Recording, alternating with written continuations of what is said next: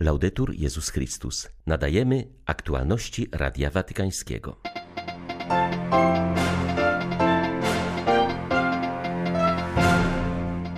W najbliższą niedzielę rozpoczyna się w Budapeszcie Międzynarodowy Kongres Eucharystyczny. Na jego zakończenie 12 września do stolicy Węgier przybędzie papież Franciszek. Kościoły chrześcijańskie wzywają Unię Europejską do zapewnienia ochrony prześladowanym Afgańczykom, których życie jest poważnie zagrożone. Jutro ulicami Londynu przejdzie Marsz dla Życia. To największe na wyspach publiczne zgromadzenie w obronie życia poczętego. 3 września witają Państwa ksiądz Krzysztof Ołdakowski i Krzysztof Bronk. Zapraszamy na serwis informacyjny. W najbliższą niedzielę w Budapeszcie rozpocznie się 52. Międzynarodowy Kongres Eucharystyczny. Na jego zakończenie 12 września do węgierskiej stolicy przybędzie papież Franciszek. Jak zauważa profesor Christian Sorel, członek papieskiego Komitetu Nauk Historycznych, kongresy eucharystyczne od samego początku były reakcją Kościoła na kryzysową sytuację. Z ideą kongresów wyszła młoda francuska Emilie Tamizier. Były to lata 70. XIX wieku. Francja zmagała się z kryzysem po wojnie z Niemcami, a w szerszej perspektywie również z następstwami rewolucji francuskiej. Zdaniem Emilie Tamizier kongres miał odnowić kult eucharystyczny, aby ocalić społeczeństwo, uwolnić go od negatywnego dziedzictwa rewolucji. Pierwszy miał miejsce w 1881 roku w Lille. Kongresy odbywają się w najważniejszych stolicach, niekoniecznie katolickich, czego przykładem jest Londyn. Nie były to jednak pierwsze masowe zgromadzenia katolików, bo wcześniej istniały już pielgrzymki, ale kongres wprowadzał nową, bardziej nowoczesną, a zarazem bardziej walczącą formę zgromadzeń. Od samego początku jednym z jego celów było wyjście na ulicę, pokazanie się na zewnątrz i to mimo prześladowań czy napięć w relacjach ze społeczeństwem. To właśnie pośród kongresów eucharystycznych rozwijała się i była dyskutowana teza o społecznym królowaniu Chrystusa, która doprowadziła do ogłoszenia przez Piusa XI święta Chrystusa Króla.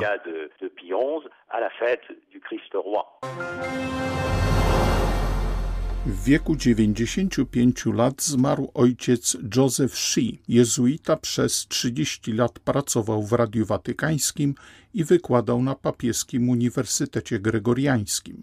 Ściśle współpracował ze stolicą apostolską w sprawach dotyczących Chin. Był mostem łączącym nas z tym krajem, powiedział były dyrektor papieskiej rozgłośni, ojciec Federico Lombardi. Ojciec Joseph Shee był jedną z pierwszych osób w mediach watykańskich, która doceniła znaczenie internetu. Dzięki niemu na papieskim portalu regularnie pojawiały się przydatne dla chińskich katolików materiały religijne i formacyjne. Bardzo lubiłem ojca Shi. Przez długi czas mieszkaliśmy w tej samej wspólnocie i razem pracowaliśmy. Był niezwykle uprzejmym, sympatycznym i pracowitym człowiekiem przez dziesiątki lat wykonał tytaniczną pracę na rzecz chińskich katolików i tamtejszego kościoła mówi ojciec Federico Lombardi. Zawsze uważaliśmy, że niektóre programy radiowe, zwłaszcza przygotowywane dla krajów, w których Kościół przeżywa trudności, takich jak Chiny czy Wietnam, były programami najważniejszymi. Właśnie ze względu na te trudności ojciec Shi musiał studiować i pracować poza Chinami. Na Gregorianie uczył nie tylko historii, kultury Chin, ale także misjologii. Jego wkład w relacje Kościoła z dalekowschodnimi kulturami był znaczący. W 2008 roku, po zakończeniu pracy w Radiu Watykańskim, ojciec Shi powrócił do Chin. W Szanghaju miał krewnych, odprawiał msze i spowiadał, prowadził kierownictwo duchowe. Choć ostatnie lata swojej posługi spędził w Chinach, to każdego roku na miesiąc lub dwa wracał do Rzymu, gdzie również był zaangażowany duszpastersko. Jego spojrzenie na sytuację w państwie środka było bardzo wyważone i optymistyczne.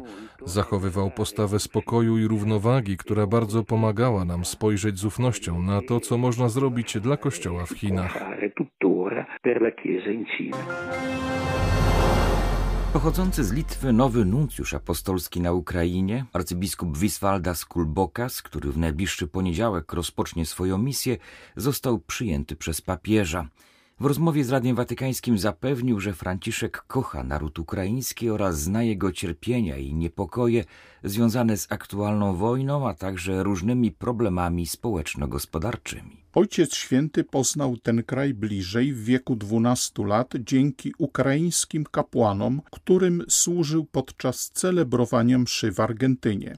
W apartamencie papieskim znajdują się krzyże i ikony przypominające tamte czasy, mówi arcybiskup Wiswaldas Kulbokas. Ed è stato un momento molto gioioso to był dla mnie bardzo radosny moment, bardzo żywy i dynamiczny, ponieważ spotkałem papieża pełnego młodzieńczej energii, co szczególnie było dla mnie poruszające, zwłaszcza w kontekście tego, co spekulowano ostatnio w mediach na temat stanu zdrowia Franciszka po niedawno przebytej operacji. Spotkałem papieża młodego duchem jak nigdy przedtem. Ojciec Święty powiedział, że codziennie będę napotykał mnóstwo problemów, że nawet trudno je wymienić, nie zabraknie ich ani przez jeden dzień. Wlał jednak w moje serce dużo nadziei, zapewniając, że zawsze czuwa nade mną Jezus i święci. Dodał mi odwagi, abym realizował swoją misję w pokoju, z wielkim sercem, bez gubienia wewnętrznej radości. Krótko mówiąc, spotkałem papieża, który mnie posyła, zachęcając i błogosławiąc.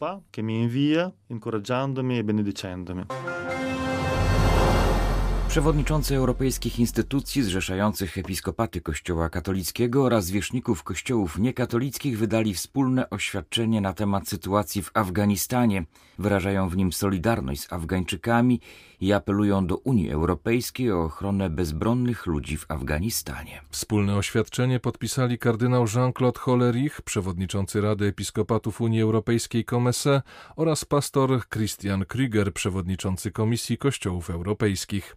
Przyznają, że są głęboko wstrząśnięci bieżącymi doniesieniami z Afganistanu, które ukazują cierpienie i bezradność ludności afgańskiej. Szczególnie martwimy się o tych, którzy nadal wymagają ewakuacji, piszą przedstawiciele europejskich chrześcijan apelują do społeczności międzynarodowej o ochronę osób, które są obiektem prześladowań i których życie jest zagrożone, takich jak działacze społeczeństwa obywatelskiego, obrońcy praw człowieka, dziennikarze, artyści oraz członkowie mniejszości etnicznych i seksualnych, a także chrześcijanie i inne wspólnoty religijne w stanie Zamfara w północno-zachodniej Nigerii bandyci uprowadzili w ubiegłą środę 73 uczniów z lokalnej szkoły. Trwa dochodzenie mające na celu uwolnienie porwanych nastolatków. Obecny akt kidnappingu dokonany został zaledwie kilka dni po uwolnieniu grupy młodzieży będącej ofiarami napaści w maju. Uprowadzenie jest kolejnym w serii kilkudziesięciu napadów dokonanych przez lokalne gangi z motywem wyłudzenia okupu. Od grudnia ubiegłego roku porwano w tym kraju ponad 1100 uczniów. Dokonywane przestępstwa wymusiły na władzach tymczasowe zamknięcie części szkół znajdujących się w rejonach gorzej nadzorowanych przez policję. Tysiące ludzi z całej Wielkiej Brytanii przybędą w sobotę do Londynu, aby wziąć udział w Marszu dla Życia. Jest to największe na wyspach publiczne zgromadzenie w obronie życia poczętego. Od momentu legalizacji aborcji w tym kraju pod koniec lat 60. pozbawiono życia blisko 9,5 miliona nienarodzonych dzieci. Sam rok 2020 przyniósł rekordową liczbę aborcji ponad 209 tysięcy. Przez kilka dziesięcioleci na wyspach sporadycznie odbywały się demonstracje pro-life. Pierwsza próba szerszego wystąpienia z tym przesłaniem pojawiła się w 2012 roku. Niewielka grupa brytyjskich katolików zdecydowała się zorganizować marsz ulicami Birmingham jako część kampanii 40 dni dla życia. Od początku marsz charakteryzuje pozytywny przekaz święta rodziny oraz modlitwy w intencji budowania na wyspach kultury życia. Jak mówią organizatorzy, niech nasze przesłanie będzie zakorzenione w miłości i współczuciu, abyśmy mogli nie tylko podnieść świadomość innych, ale także zmienić ich serca i umysły, mówi Magdalena Sawycz z polskiej parafii pod wezwaniem świętego Michała w Birmingham. Obok marszu przychodziła dziewczyna Sofii. Miała zarezerwowaną aborcję dwa dni później, ale zobaczyła tą radość. Zauważyła jeden konkretny plakat. Anulowała to spotkanie aborcyjne i rok później przyszła z pięknym chłopcem na mar, żeby zaświadczyć, jakie wspaniałe skutki miało to, że ona akurat była w tym miejscu w tym czasie. Tegoroczne przesłanie brzmi aborcja, sprawa numer jeden. Dla Radia Watykańskiego Elżbieta Sobolewska-Farbotko, Radio Bobola, Londyn.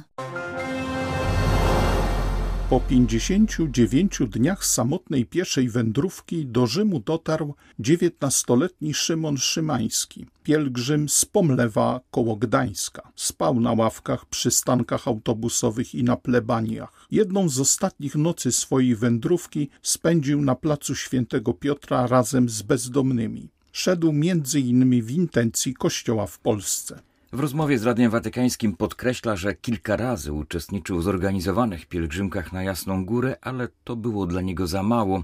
Tym razem, choć nie unikał znanych pielgrzymkowych szlaków i solidnie się przygotował, postanowił pójść w ślady biedaczyny z Asyżu. Chciałem być jak święty Franciszek, wyjaśnia Szymon Szymański. Wziąłem jakieś małe pieniądze, ale oczywiście one się po czasie skończyły. Wiadomo, tam jakoś się przygotowałem, tak, bo dla mnie już brak przygotowania byłby nawet wystawieniem Boga na próbę, a nie zaufaniem mu. Okazało się, że ja 10 razy więcej pieniędzy niż sam wziąłem dostawałem od księży na przykład, nie, na parafii. Dzięki temu mogłem czasem nawet pójść do restauracji. To było piękne dla mnie.